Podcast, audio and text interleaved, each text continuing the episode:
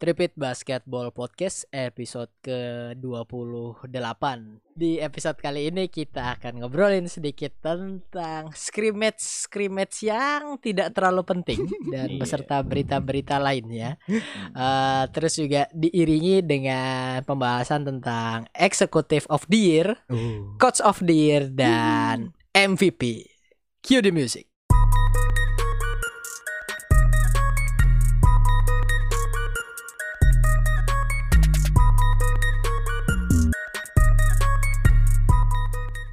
Jadi eh, enak ya terusin aja lagunya. Siapa dulu yang bikin? Weh, emang siapa yang bikin? Gua lah. Sombong sih anjing. Jadi Produser, di episode Oh. eh gua mau kenalan dulu nih. Eh, Jangan promosi ini lu, kerjaan lu. Ah, Tolong ya buka SoundCloud di Mutatama. Loh, malah lanjut. malah promo dia. Kita perkenalan dulu ya. Iya. Jadi di episode kali ini selalu dibawakan oleh saya eh, sebagai host di sini ada MJ Muhammad Jen. Nah, Hmm. dan diiringi oleh kos kenamaan satu ini dengan nama Rudi Slamdang. Apa kabar Rudi? What's up? eh? Baik, baik. Enggak skurt-skurt lagi Enggak, nih. enggak, enggak. nanti lagi, nanti lagi. Biar lupa dulu orang baru ini lagi. Eh, ini Rudy Oh, Lay iya. apa baru di Slamdang? Iya nih Slam cupu dunk ini. banget nih. Rudy apa Rudy Gobert? Wah. Manusia yang menyetop NBA ya. Eh, dan yang terakhir di sini ada sebagai hot takers. Anggap Stephen A. Smith lah, tapi ya bego dikit lah. Lebih kurang Iya. lah. iya dong. Nah, di sini ada Takin alias Mutatama. Apa kabar Takin? Alhamdulillah baik. Capek nggak nih hari ini nih? Capek nggak nih? Lumayan capek sih sebenarnya. Eh, capek ngeliat muka kalian aja. Waduh, si anjing. Gua yang harusnya ngomong gitu, Bos. Ini mulai-mulai udah menghina satu sama lain. Iya. Udah mulai ada pertikaian. Yo, Padahal belum verified. belum 30 episode. Jadi di episode ini ya eh, seperti yang kita obrolin di atas tadi, di atas di daftar isi sebelum opening tadi ada tentang berita-berita di scrimmage gitu. Salah satunya adalah tentang Tom Thibodeau yang dulu sempat ngelatih Bullsnya dari Cross yang punya tanggung jawab besar atas cederanya dari Cross ya, itu sekarang ngelatih nih skinny apa reaksinya dari Takin nih? Takin sendiri sebagai mantan fans Knicks dan Porzingis Iya. nih. Ternyata Knicks nggak berubah ya, tetap bego aja gitu. iya. Anjing. Atau mungkin tim tipe dua yang masuk ke ininya dia sendiri, ke ekosistem yang cocok buat dia gitu. enggak, enggak cocok juga sih sebenarnya. Eh, lu enggak ngeret track, record tim di di Timberwolves apa gitu. Jadi nge-hire dia lagi. Jelek. Ya cobalah makanya. nyari-nyari apa ya? Nyari-nyari coach yang lain lah. Iya. Eh, coba-coba coach dari Eropa gitu atau gimana gitu. Atau Oh, dari lumayan. college seenggaknya kan biasa bisa iya, kan. dari Hmm. college. Coba aja sekalian eh, nyari ide-ide baru, jangan jangan coach yang itu-itu lagi Iya. gitu. Yang di circle-circle kalian aja gitu kan. Jangan alternatif lain, jangan yang itu-itu lagi, itu-itu lagi. Anjir. Eh, soalnya ini ya eh, si Dolan ini kan kalau kita ngobrolin dia nih terus kalau dia dengerin podcast kita kita di ban ntar nih Iya, nggak boleh iya. lihat Knicks basketball nih. Eh, Siapa yang mau nonton? Siapa juga yang main nonton? Sebenarnya kalau lu beli Nick Pass mending nggak usah ada pertandingan Knicks-nya gitu. Waduh, gimana? iya. Bisa nggak pakai package yang bundle yang nggak ada pertandingan Knicks-nya? Ha- harusnya tuh yang di ban itu dolannya itu gitu. Ah, iya. Klub terkaya di NBA loh, kurang Ah. ajar nih emang. Klub terkaya tapi nggak relevan gitu. Iya makanya Iya. kayak Arsenal lah. Waduh. Eh, Bawa-bawa ya. Bawa-bawa anjing. Arsenal lagi bagus-bagusnya. Tahun ini juara FA lagi nih. Lihat aja. Hey. Siap siap siap. Siap. Eh, eh, juara ini eh, ngambil jatahnya lagi juara FA. Oh. FE mulai nggak capek apa bos Oh, Arsenal. Yang penting ada ada Gelar. topi lah. Pengelipur lara kita udah capek. Arsenal ini kurang jauh sih mainnya, main sama circle-nya dia mulu. Nah iya main sama circle dia lagi. Yang penting kan udah bisa ngalahin Liverpool sama Manchester City lah. Wah. Oh, hei. Anu prestasi ya, prestasi ya.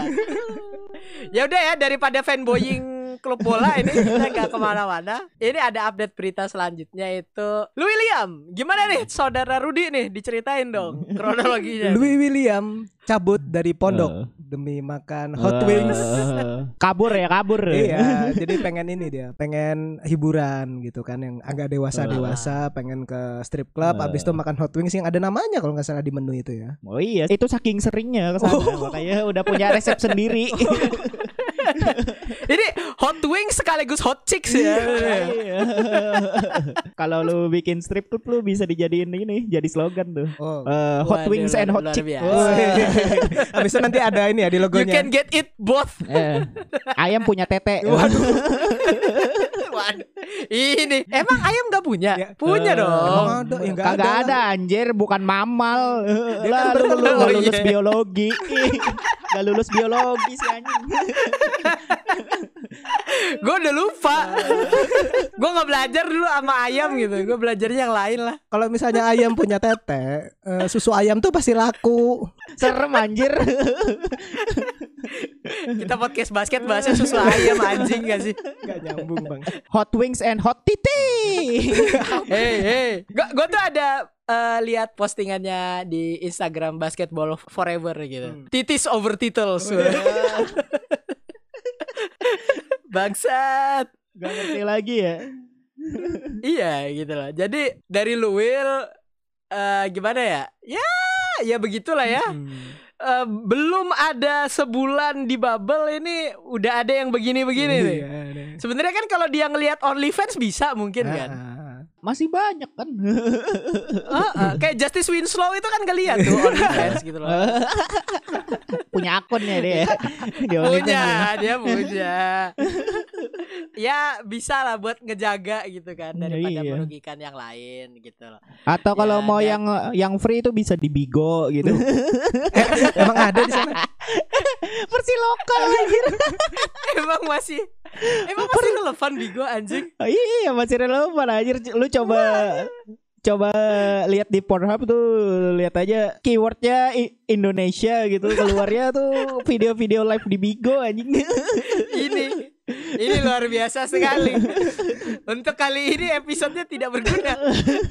ya udah capek serius-serius gitu kan kita Ah, udahlah bercanda aja. Seriusnya abis ini. Iya. gitu loh. Iya. Ya intinya tentang Lou William. Ya itu doang ya. Kita cuma mau ngetawain doang gitu. Iya. Ya paling Kendrick Perkins Ra- dengan hot take hot takes ya gitu kan. Iya. Tapi ya rada menyesalkan juga sih ya pemain profesional lu dibayar masa lu mengorbankan itu semua demi titis gitu. Kekurangan banget apa? Oh, oh, ini ini Lakers infor kalau gini nih jadinya. Iya. Clippers nih depthnya iya ya, cuma chemistry-nya mana ini? Iya. weh? Gak kompak nih, gak kompak. Alex Caruso nggak datang wedding saudaranya. Iya. Ternyata Clippers begini doang. Perasaan baru tadi ngepost masalah Clippers. Oh iya ya.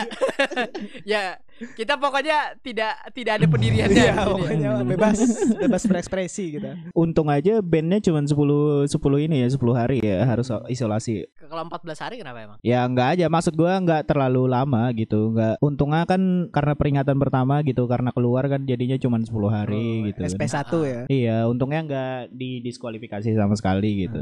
Kalau sekali lagi Oh, iya dibotak sih, tuh bisa. William tuh. Atau enggak disuruh bersihin got kayak gue. Oh lu lu gitu dulu ya? enggak, enggak maksudnya Oh. di tempat gua gitu di Iya makanya. Situ enggak di pondok gua Di mana maksudnya. situlah. Di IC, di IC. Iya, Wah. IC. Hei, nyebutin terus bang. Mau mau sombong nih apa gimana nih? Mau sombong aja insan cedekia. gua Woi. te- gua tuh tesnya bareng Jain, Jain gak masuk. Eh, eh, udah ya daripada ngobrolin ini, kita lanjut dulu nih ke mana ya? Yang ada scrimmage sedikit tentang eh, Houston Rockets lawan Memphis Grizzly gitu. Yang Hmm. mana ada ya ada perdebatan sedikit-sedikit biasanya kalau di game sebelumnya tentang Harden traveling atau enggak gitu kan. Kalau sekarang mungkin perdebatannya ya apaan nih ngetri mulu gitu. Oh. Hmm. Ya suka-suka dia lah. Bingung juga nanggepinnya ya. Kalau lu jadi bangsat Kin Kok lu jadi bangsat gimana nih? enggak enggak enggak enggak.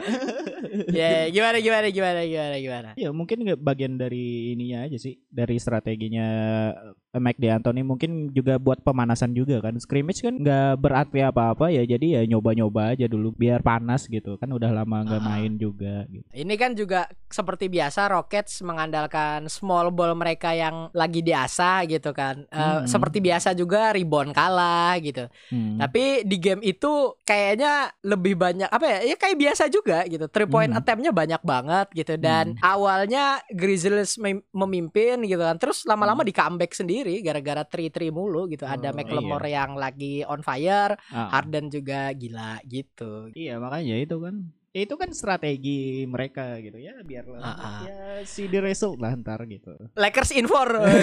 Enggak enggak. Gua gua lagi lagi Masih ini ya, masih lagi ya.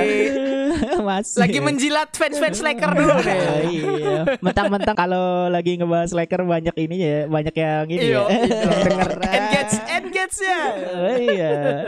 Engagementnya Nah. bagus kalau yang bahas Lakers ya. Orang tadi sebelum tapping aja si Jain bilang ini kok ah gua ini aja gua apa gua mihak ke liburan aja yang tapping ini ya biar Oh. banyak yang denger gitu. Iya, ini kan soalnya kan lu bilang kan kemarin tim Giannis nih yang masalah MVP nih. Nah. Ya, gue jadi tim tim LeBronnya dulu Iya. gitu. Yoi. Walaupun tim Giannis. Eh, Udah ya, jadi ya eh, bercandanya nih ya. karena itu tadi episode ya bentar-bentar doang gitu yang buat relax lah, relax. ini yang serius nih. Iya. Iya, ini serius banget nih. Waduh. Kita kita nggak ada ketawa lagi pokoknya ya Fokus. di episode ini. Fokus ya. fokus fokus. Kalau kalau ada ketawa denda. Iya. Eh di sini ada kita bakal ngobrolin tentang Executive of the Year dulu nih. Mm-mm. Yo. Yang calonnya itu ada ada siapa aja nih si Rudi nih? Apa Ya, gua Rudy. nih? Udah siapa tadi? Lu kan yang megang eksekutif. Ayo siapa? Oh, iya, Ayo. iya, iya. Eh, tenang semua terscripted ya. Oh. iya, semua semua scripted di sini. Tadi pertanyaan tadi udah udah ada di skrip. Iya. Eh, jadi di sini ada Executive of the Year-nya kandidatnya adalah Sam Presti dari Hmm, OKC Thunder, Lawrence Frank dari LA Clippers dan Rob Pelinka dari LA Lakers. Yo. Sebelum itu, semuanya ini kan berperan penting di Klubnya masing-masing tim ya. Seperti Jerry Krause. Oh, Oh, bukan. bukan. Eh, Berperan penting sebagai villain di The Last Dance dia. Eh. Eh, eh, ada strong case buat masing-masing ya. Tapi Hmm. kalau yang lu lihat nih si Takin nih, Hmm. ini yang pantas mendapatkan Executive of the Year nih siapa nih? Sam Presti sih kalau menurut gua. Alasannya nih dibanding sama kayak anggap Propelinka kan yang bikin Lakers eh, kayak sekarang ya dengan tambahan Anthony Davis gitu. Terus juga eh, Lauren Frank bikin Clippers ada Paul George sama Kawai. Kawhi gitu dalam satu Hmm. tim kan dan depthnya yang luar biasa gitu. Ah,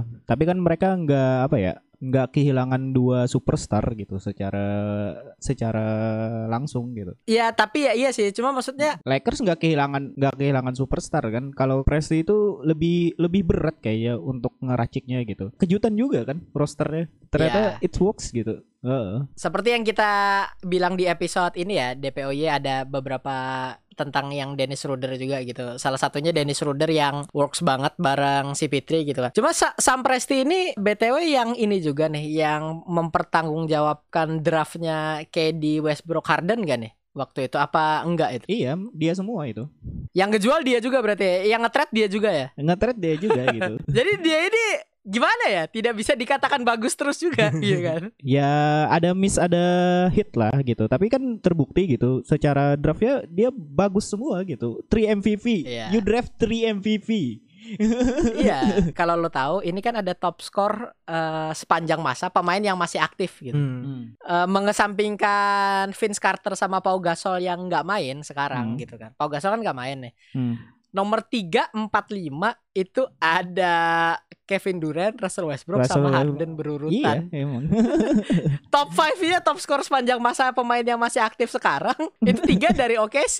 ya tapi Nggak sayangnya ya itulah pilihannya salah kan gitu. Ah, Ah. the biggest Ah. what if ya pokoknya eh, Ah. bakal menjadi salah satu what if paling what if gitu karena Ah. Tapi kan kita nggak tahu juga gitu. Kalau Harden nggak pindah dari OKC, apakah akan jadi Harden yang seperti sekarang? Gitu. Oh iya, karena kan Harden yang di OKC kan ngalah juga BTW ya. Karena Iya. dia rela come off the bench gitu Iya. demi eh, jadi energi boosting buat OKC kan. Waktu itu kan waktu di zaman OKC aja Harden sendiri kan lumayan clutch ya. Di Hmm. di playoff itu ada ada beberapa clutch momennya Harden gitu. Hmm. Yaitu salah satunya karena ya dia dipakai di akhir-akhir gitu gitu Iya. gitulah pokoknya dibanding kayak sekarang mungkin kecapean di akhir quarter ya gara-gara itu Eh, saya sebagai Hmm. fans Harden membela. Pembelaan nih.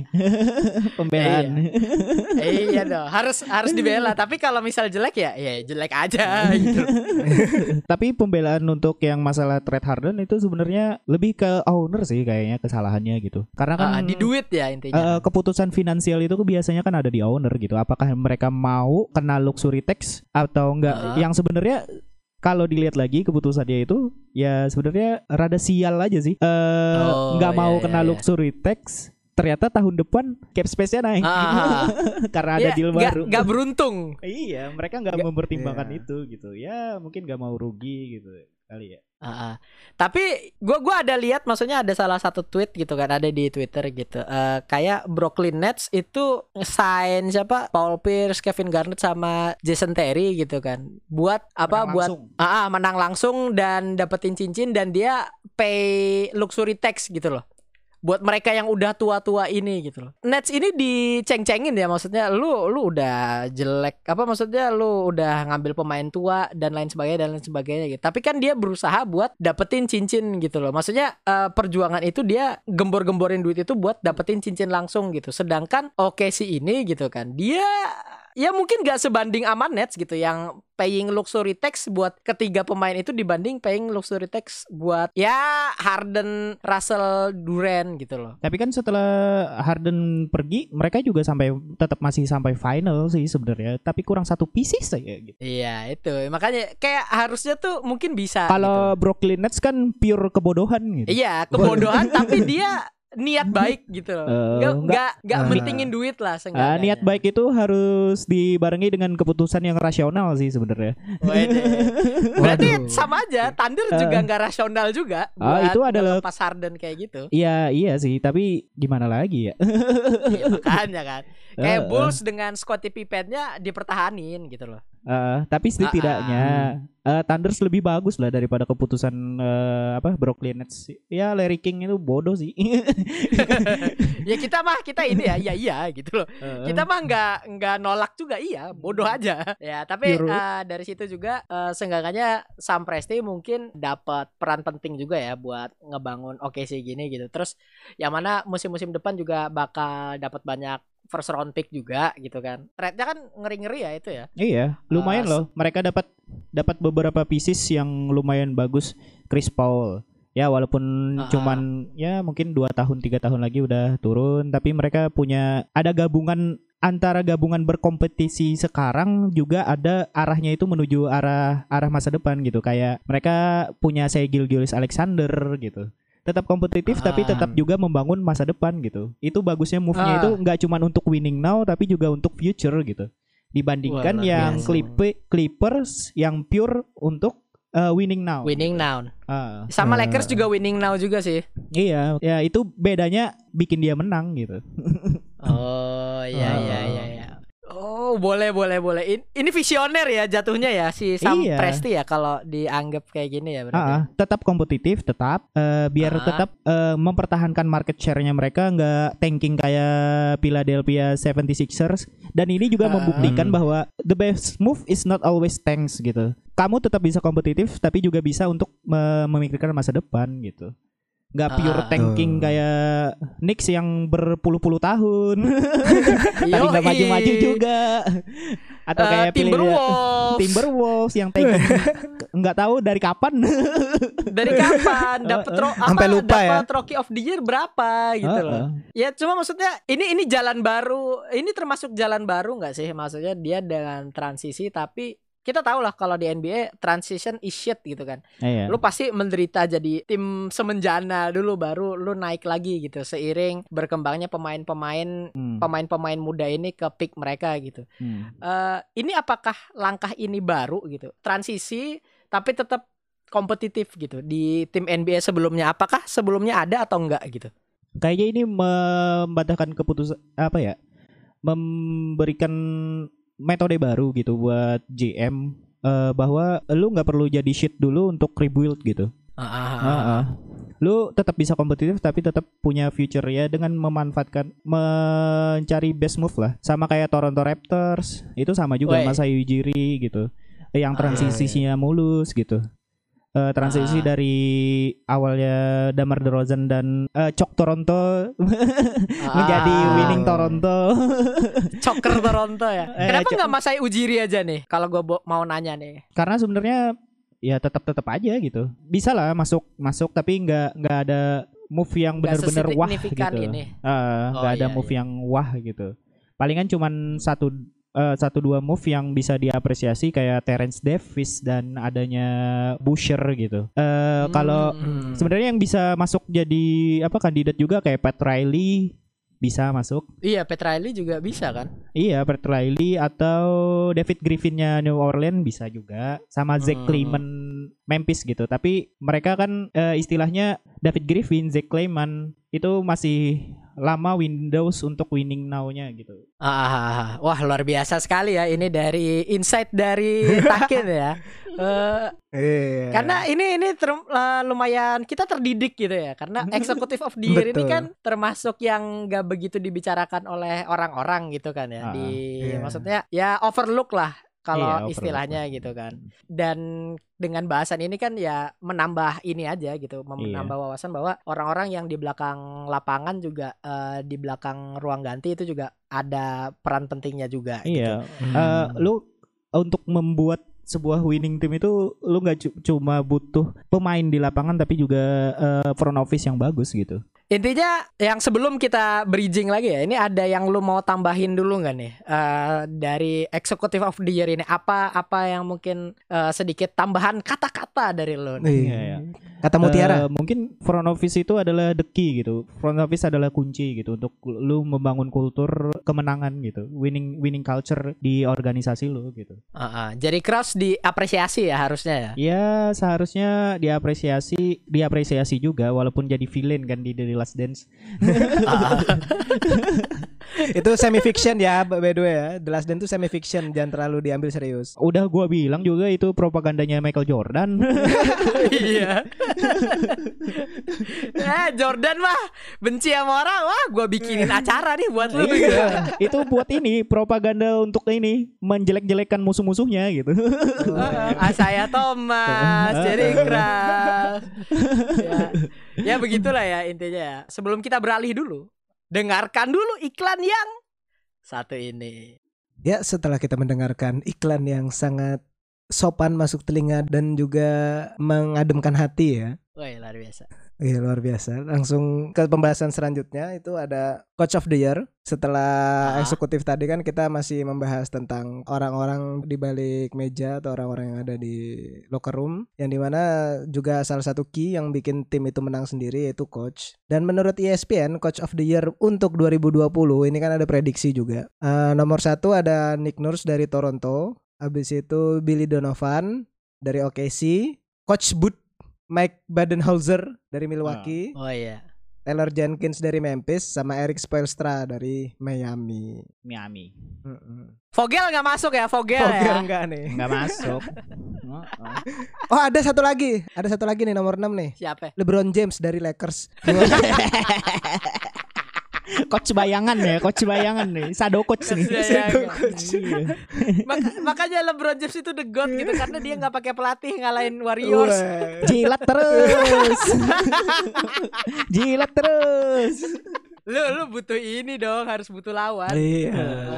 Kalau kita iya iya doang nggak seru. Ntar lama-lama jadi first take-nya ala-ala ini ya Stephen A. Smith versus ini. Enggak lah, enggak lah. Gua gua tetap Giannis kok. Cuma ada counter argumen tetap Oh. gitu loh. Intinya di di Coach of the Year sendiri gitu kan. Kita udah tahu jelas bahwa yang menang Nick Nurse ya.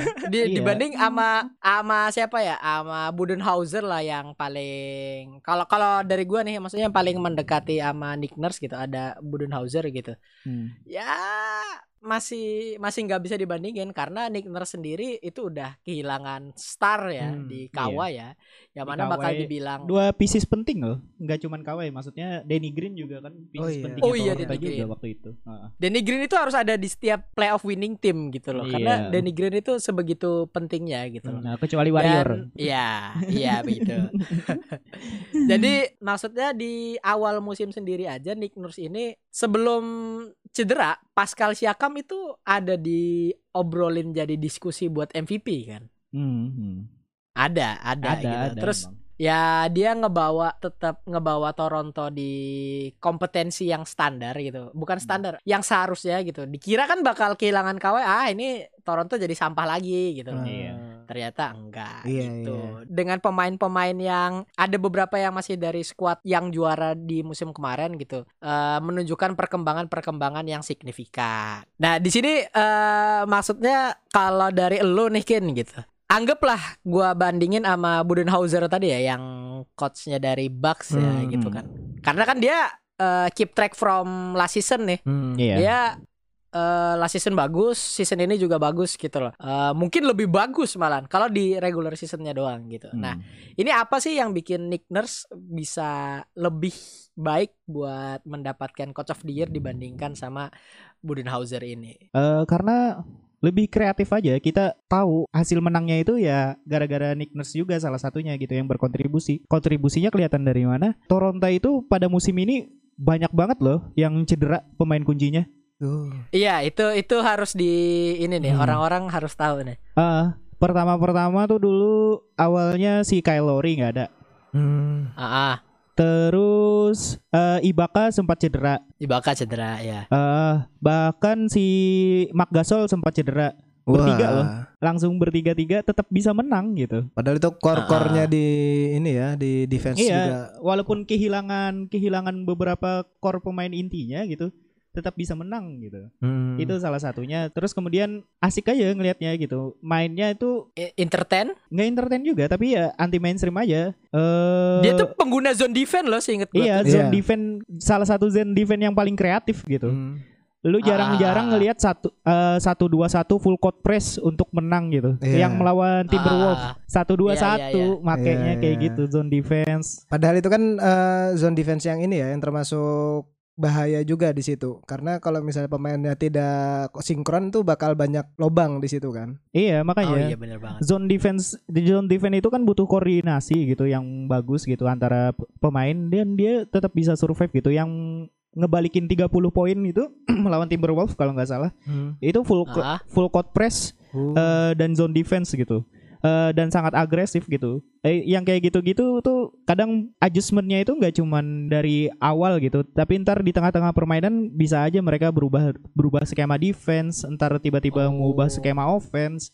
Dan itu selalu disesuaikan dengan musuhnya gitu. Hmm. sesuai dengan play along gitu. Ngelihat ini oh iya oke kita ubah skema defense gitu. Transisinya cepet ya, maksudnya maksudnya transisi yang kayak lu bilang tadi skema-skemanya dalam game gitu. Eh, iya Mau berubah dari sini ke skema apa, dari skema A ke skema B tuh cepet gitu ya, berarti. iya ya? cepet karena emang udah berarti kan udah disiapin gitu sebelumnya Ah, gitu ah, ah, ah. Padahal cuma anggapannya regular season loh, maksudnya kayak iya kita udah tahu regular season eh, apa ya eh, value-nya udah lumayan berkurang gitu kan. Hmm. Ah, tapi ya itu bisa berguna untuk di playoff. Lu menyesuaikan Oh. Tiba-tiba gitu. Harus gimana, harus Ah. gimana kan ba- banyak kejadian yang nggak nggak terpikirkan sebelumnya. Kalau di playoff lu bisa pakai itu gitu. Hmm. Lu mencoba kreatif mungkin coba down defense yang kayak gini karena udah dicoba sebelumnya gitu. Ah, ah, ah. Nah tapi nih di sini nih maksudnya yang gua baca-baca ya fans Hmm. Raptor yang di Kanada sana gitu kan eh, mereka tuh malah nggak pengen kalau Nick Nurse ini yang menang gitu. Bentar dulu dengan alasan dengan alasan biasanya kalau ada coach of the year dari Toronto, musim depannya tuh Langsung ada diambil. ya? hal buruk gitu loh. ya kalau nggak dipecat jadi choker jadi apa gitu. Kurs Oh, ya, iya. kurs gitu. kursi ya itu. Ah, ah, ada ada kursnya. Jadi eh, fans Toronto tuh ngarepnya ya Budenhauser aja lah. Kita Iya. biarin aja eh, kita Ah. sendiri yang tahu Nick Nurse yang bagus. Oh. Yang lain gak usah daripada tahun depannya dipecat Iya. gitu. Ah. Ada ada ada yang ini superstisius sekali fans Raptors ini. Percaya Mungkin- tahayul. Mungkin karena saking takutnya gitu, udah berkali-kali mereka sakit hati gitu. Eh, eh, gitu. Di musim regular season bagus, setelah itu langsung. Ah, selalu ada LeBron tuh tiap musim. Oh iya, ada Lebron tuh. Balik Eh, lagi ke era ya. Lebron tuh. Eh iya ya. Sebelumnya kan si siapa? Si Dwayne Dwayne Casey, Casey. juga pernah terpilih jadi head coach of the year ya. Hmm. Tapi kan tahun Ah, kemarin ah. juga Nick Nurse kan? Enggak, tahun kemarin Budenhauser. Ya, oh, Budenholzer. Budenhauser. Oh. Nah, makanya mungkin ada benarnya sih maksudnya kalau kalau gue jadi fans Raptor sendiri ya tahu sejarahnya gitu kayaknya ah nggak usah nggak usah Ngeri-ngeri Nggak usah sedap itu. year. udah udah udah juara aja juara aja jangan year gitu. masuk ke final aja udah Tapi di voting ini jauh banget loh. Kalau di votingnya CBS itu 90% orang milih Nick Nurse semua votingnya. Ah, ah, ya karena Bakalan emang apa ya Banyak orang yang nggak mau Toronto menang kayaknya nih ya. fans Torontonya aja yang nggak mau ininya menang gitu. Coba kalau dibanding sama Budenhauser gitu kan, ya dia kan cuma nerusin tren dari Dari musim kemarin. Hmm. Walaupun itu nggak bisa dibilang cuma ya, karena mempertahankan tren winning itu susah banget gitu. Iya. Tapi yang bikin Nick Nurse sendiri apa ya, jadi yang pantas buat Coach of the Year gitu. Ya tadi karena kehilangan bintangnya ini dua bintang dua yang paling vital gitu Hmm. dua pieces yang paling vital buat championship run mereka gitu musim ini dan ternyata bisa playoff peringkat Iya. dua dan lain sebagainya gitu Mungkin kan juga yang bikin itu eh, apa ya kayak melebihi ekspektasi lah Ya. performanya itu. Ah, ah. gitu. Ah, ah. melebihi daripada yang orang kira gitu. Sama kan juga Ah. dia mainin beberapa pemain yang belum belum pernah main sebelumnya, mengorbitkan pemain-pemain baru gitu maksud gue. Kayak Chris Boucher, kayak Ronde Ah. Hollis Jefferson Hmm. bisa makainya di ini di Raptors terus sama juga Norman Powell yang tahun ini bagus gitu Hmm. Iya, sama- Norman Powell. eh, bisa memanfaatkan si siapa Terence Davis Iya. gitu gitu rosternya tuh kadang berubah-ubah juga iya Nah, iya start, starting five-nya sering-sering berubah-ubah biasanya Eh, menyesuaikan musuh gitu Ah, ah. Nah dan dan juga nih kalau kita ada ngobrol si Nick Nurse gitu kan, yang menurut kita mungkin semua di sini si Rudy setuju gak nih ini coach of the year btw nih? Iyalah Nick Nurse luar Iya, biasa iya, sih. Nick Soalnya ya. gue awalnya maksudnya- mau yang ini apa apa coach Bud kan. Soalnya dengan Milwaukee mengatur skemanya Milwaukee itu yang buat Giannis jadi lebih maksimal pergerakannya dan performanya Efisien. lebih efisien juga.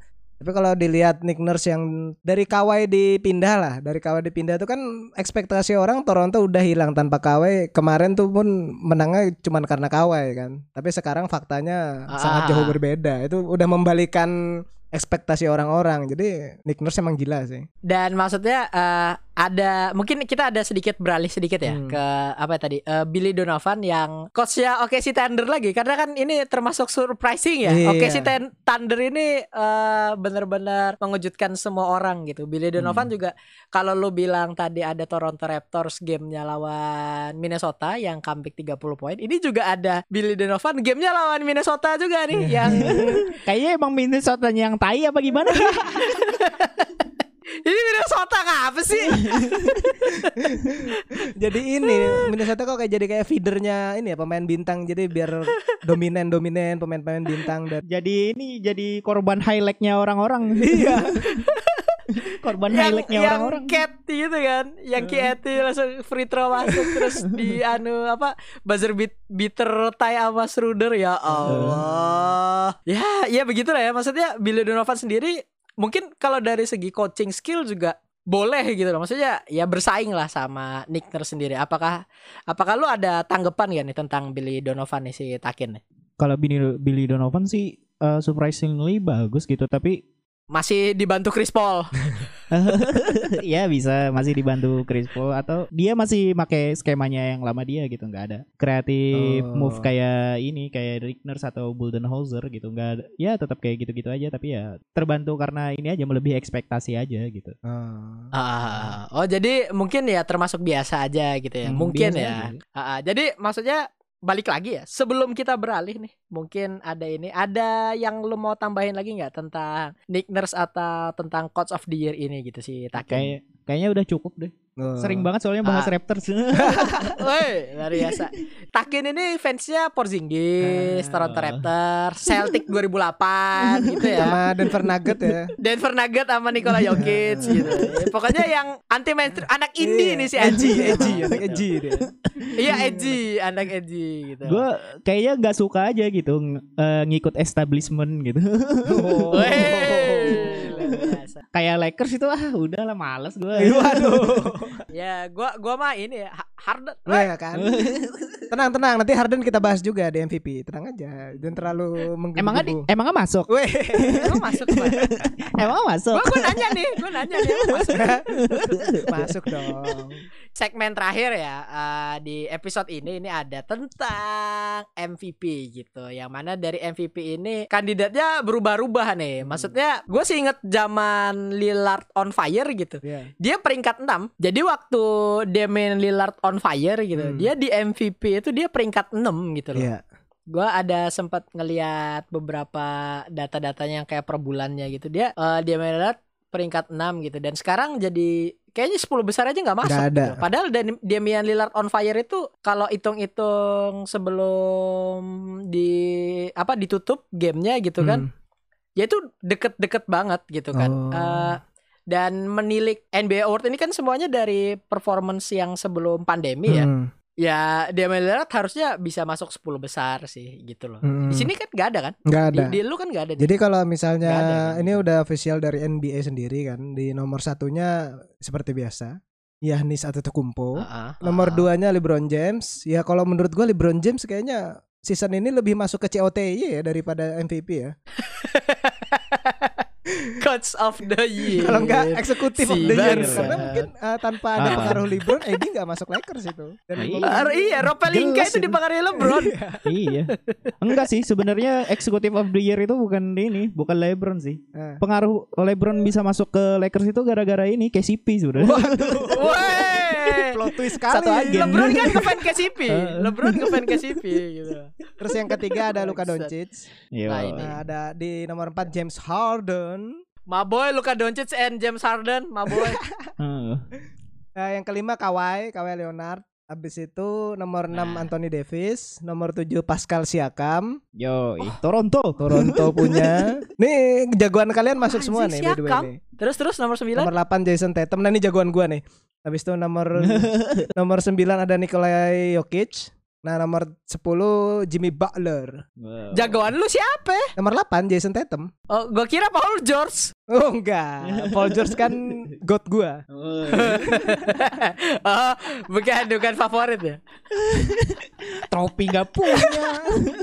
Eh, kalau eh, Seralu. zaman sekarang itu semua harus berubah. Ingat sekarang tuh zaman digital. Iya, iya. Jadi klasifikasi menjadi god itu harus juga berubah. Revolusioner Oh. gitu. Yo, yang followernya banyak ya di IG ya. Iya. Sama yang sneakernya paling bagus itu juga bisa masuk jadi god harusnya. Eh, Wah, Harden nomor satu sih kalau sneaker sih. Ah, Enggak juga bagusan PG sih sebenarnya. Oke, Weh. Sebagai pemilik PG. Mamen. Gua gua anak Adidas soalnya. Gua anak Adidas. Gak ada yang milih Kyrie. Enggak kurang bagus. Kyrie itu kayak Kobe tapi rada tinggi gitu. Iya. Eh, BTW nanti ngomongin sneakers malah wah oke Eh, nih. bisa. nih. Lama nih. Jadi kita langsung diklasifikasi sama lima besar tadi ya. Lima besar tadi ada Giannis, eh, Hmm. LeBron, Luka, Harden, sama yang terakhir siapa yang nomor limanya? Kawhi. Kawhi. Kawhi Kawhi. gitu kan. Eh, ya kita udah tahu performanya, tapi yang mau kita yang mau gua omongin aja lah, bukan kita nih. Eh, apa nih? Luka Doncic nih peringkat tiga anjing si bocah. Sebagai sophomore. Gila. Oke Si lah nggak usah nggak usah masuk MIP gitu, langsung Nah, nomor 3 MVP Wonder voting. Boy. Wonder Boy. Iya. Akselerasi dia. Maksudnya kita nggak perlu ngomongin Luka Doncic eh, di level Trey yang lagi. iya, nggak usah dibanding-bandingin lah. Jangan disama-samain nama Treyang gitu. Iya, Heeh. Dia Luka Doncic sama Zion aja beda setahun doang loh umurnya. Iya. loh.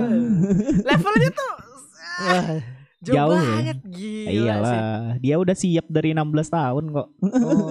Heeh. Iya, maksudnya eh, tim dengan offensive rating tertinggi sepanjang sejarah NBA gitu kan. Itu mengalahkan 95 Bulls Hmm. sama Warriors yang ada KD gitu kan. Wah, ini luar biasa sih Luka Doncic. Ya maksudnya peringkat tiga tuh udah achievement banget buat second year seorang pemain gitu loh. Hmm. Ya mungkin sama kayak tim Duncan yang peringkat 5 di rookie year-nya ya waktu peringkat 5 MVP juga ya. Hmm. Yo, tim dan kan Maboy. Maboy.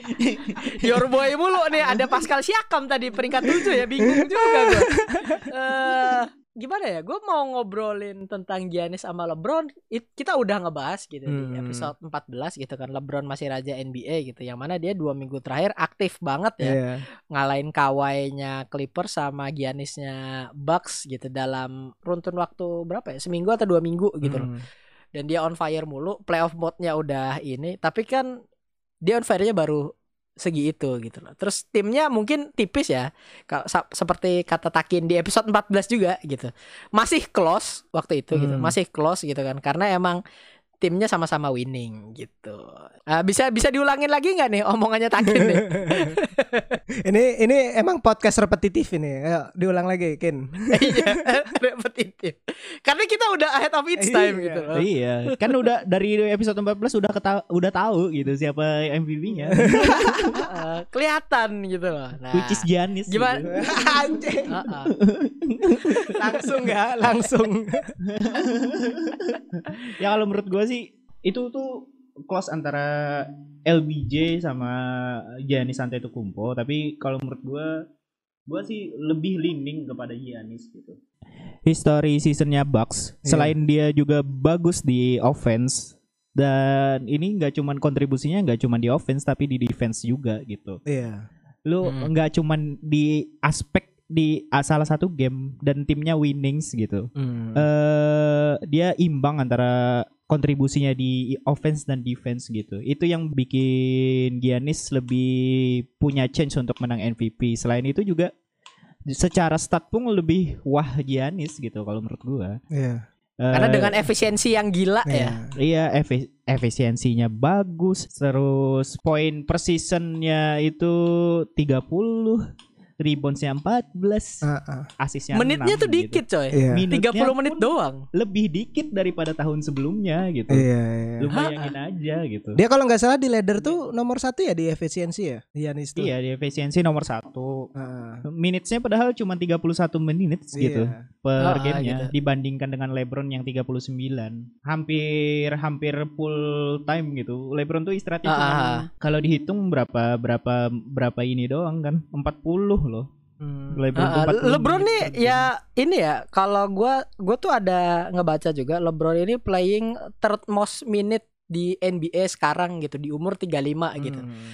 Walaupun juga apa ya ada argumen yang bilang LeBron nih pantas dapat MVP karena eh, dia tuh udah umur segini gitu loh, tapi masih ngelakuin hal-hal kayak gini gitu. Tapi ya kalau balik lagi kalau menurut gua sendiri MVP tuh nggak dinilai dari umur gitu. Iya. MVP tuh dinilai dari performa Iya. performa mereka berdua sama-sama gila gitu kan. LeBron gila gitu, Giannis gila. Cuma mungkin stabilnya lebih di Giannis di awal dibanding sama LeBron James. LeBron James juga stabil gitu kan. Kalau dibandingin di awal musim sampai akhir gitu kan. Dan Giannis pun juga dari awal sampai akhir mereka stabil gitu. Cuma balik lagi mungkin ini termasuk lumayan ketat ketat sih enggak ya karena LeBron baru on fire selevel playoff LeBron itu baru dua minggu terakhir sebelum pandemi gitu. Mungkin dia level LeBron yang biasa aja gitu loh. Ini level LeBron yang hebat biasa aja gitu loh. Hebatnya Hmm. LeBron biasa tuh MVP nomor 2 gitu loh. Itu biasa ya. itu biasa gitu. Jadi eh kalau ya balik lagi gitu eh semuanya kayaknya sih secara kalau ngelihat perkembangan selama musim ini gitu ya Giannis deserve the the MVP gitu karena emang dia menunjukkan angka yang gak masuk akal gitu. Iya. Ini angka 2K gitu. Hmm. yang udah Ah. ini ya skornya udah 99 itu ya. Eh, iya Iya. begitu. Ini, ini Giannis ya anjing lah pokoknya. Dan juga kan eh, ini juga maksudnya kalau dilihat kan eh, spreading peningkatan angka juga Giannis sama LeBron ini kan sama-sama naik, sama-sama angka yang nggak masuk akal tapi seperti kata lu Giannis jauh lebih nggak masuk akal dari poin, dari rebound sama assist kan. Dan mungkin LeBron lebih kayak Emang dia sebenarnya nggak begitu chasing di MVP, tapi dia lebih ke chasing kering karena dia lebih kalau di gamenya di Lakers kan dia lebih memberikan distribusi ke pemain-pemain lain agar Lakers ini kuat gitu loh, deep eh, rosternya gitu. Kalau yang gua lihat dari Lakers dan eh, dan gua juga setuju Giannis yang lebih kandidatnya lebih kuat untuk jadi MVP karena dari permainannya Milwaukee sendiri nggak ada Giannis pun juga bakal sulit gitu. Dia off court sama on courtnya kan jauh banget itu eh, jauh jauh jauh. ya poinnya gitu. Iya be- bed- bedanya sih mungkin ya kalau misal LeBron unreal, unreal. Mm-mm. Umur 35 masih selevel begitu tuh unreal. Nggak kita nggak bisa eh, mengesampingkan fakta bahwa LeBron itu sehebat itu di umur yang setua ini gitu. Cuma balik lagi bandingan MVP itu bukan umur gitu, loh, Iya. performa aja gitu. Dan mereka berdua tetap sama-sama jago gitu. Mereka Hmm. berdua di tim yang nomor satu di masing-masing wilayah gitu kan. Mereka Iya. berdua eh, di salah satu eh, best defensive team juga gitu kan. Hmm. Eh, ya ini ini sih respect satu sama lain sih gitu Ah. tentang apa sama LeBron sama Giannis gitu. Tapi ya tetap kalau dari kita dan ternyata di NBA juga udah resmi juga eh, itu Giannis gitu kan ya. Kita intinya ucapin selamat ya buat buat Giannis ya. iya iya. Ngomong-ngomong selamat, selamat juga nih. Kayaknya dari episode sebelumnya kan kita ada mau ngasih clue-clue giveaway nih. Nah, itu dia. Jadi ya yang buat yang udah dengerin sampai sini update aja di story kalian gitu. Tapi ya syaratnya harus follow Tripit. Iya. Update aja story kalian mention kita eh, tentang episode ini gitu loh. Ya update kayak kalian yang biasa gitu kayak Hmm, yang biasanya kayak gimana sih? Update story, mention Tripit, kita repost gitu. iya. Nanti dari situ ntar kita pilih siapa yang lucky winnernya gitu. Oke. Jadi emang di episode tripet kali ini kita cukupin sekian dulu ya, BTW Yoi. ya. Heeh. Yoi. Tapi sebelum itu gimana tuh? Jangan lupa follow IG kita di @repeatbasketball. Abis itu jangan lupa follow juga di Spotify-nya untuk dengerin eh, episode-episode selanjutnya dari Tripit kalau berlanjut. Iya, eh. Ya, sampai ketemu lagi di nanti dulu. She got a little bit of ass and it jiggle. I'ma shoot at a nigga, no dribble. I pull up with 200 bows in my runner. They was already sold when I sent them. Take it back what I put strong in the middle. Let's go. On these little niggas ass and they feel it.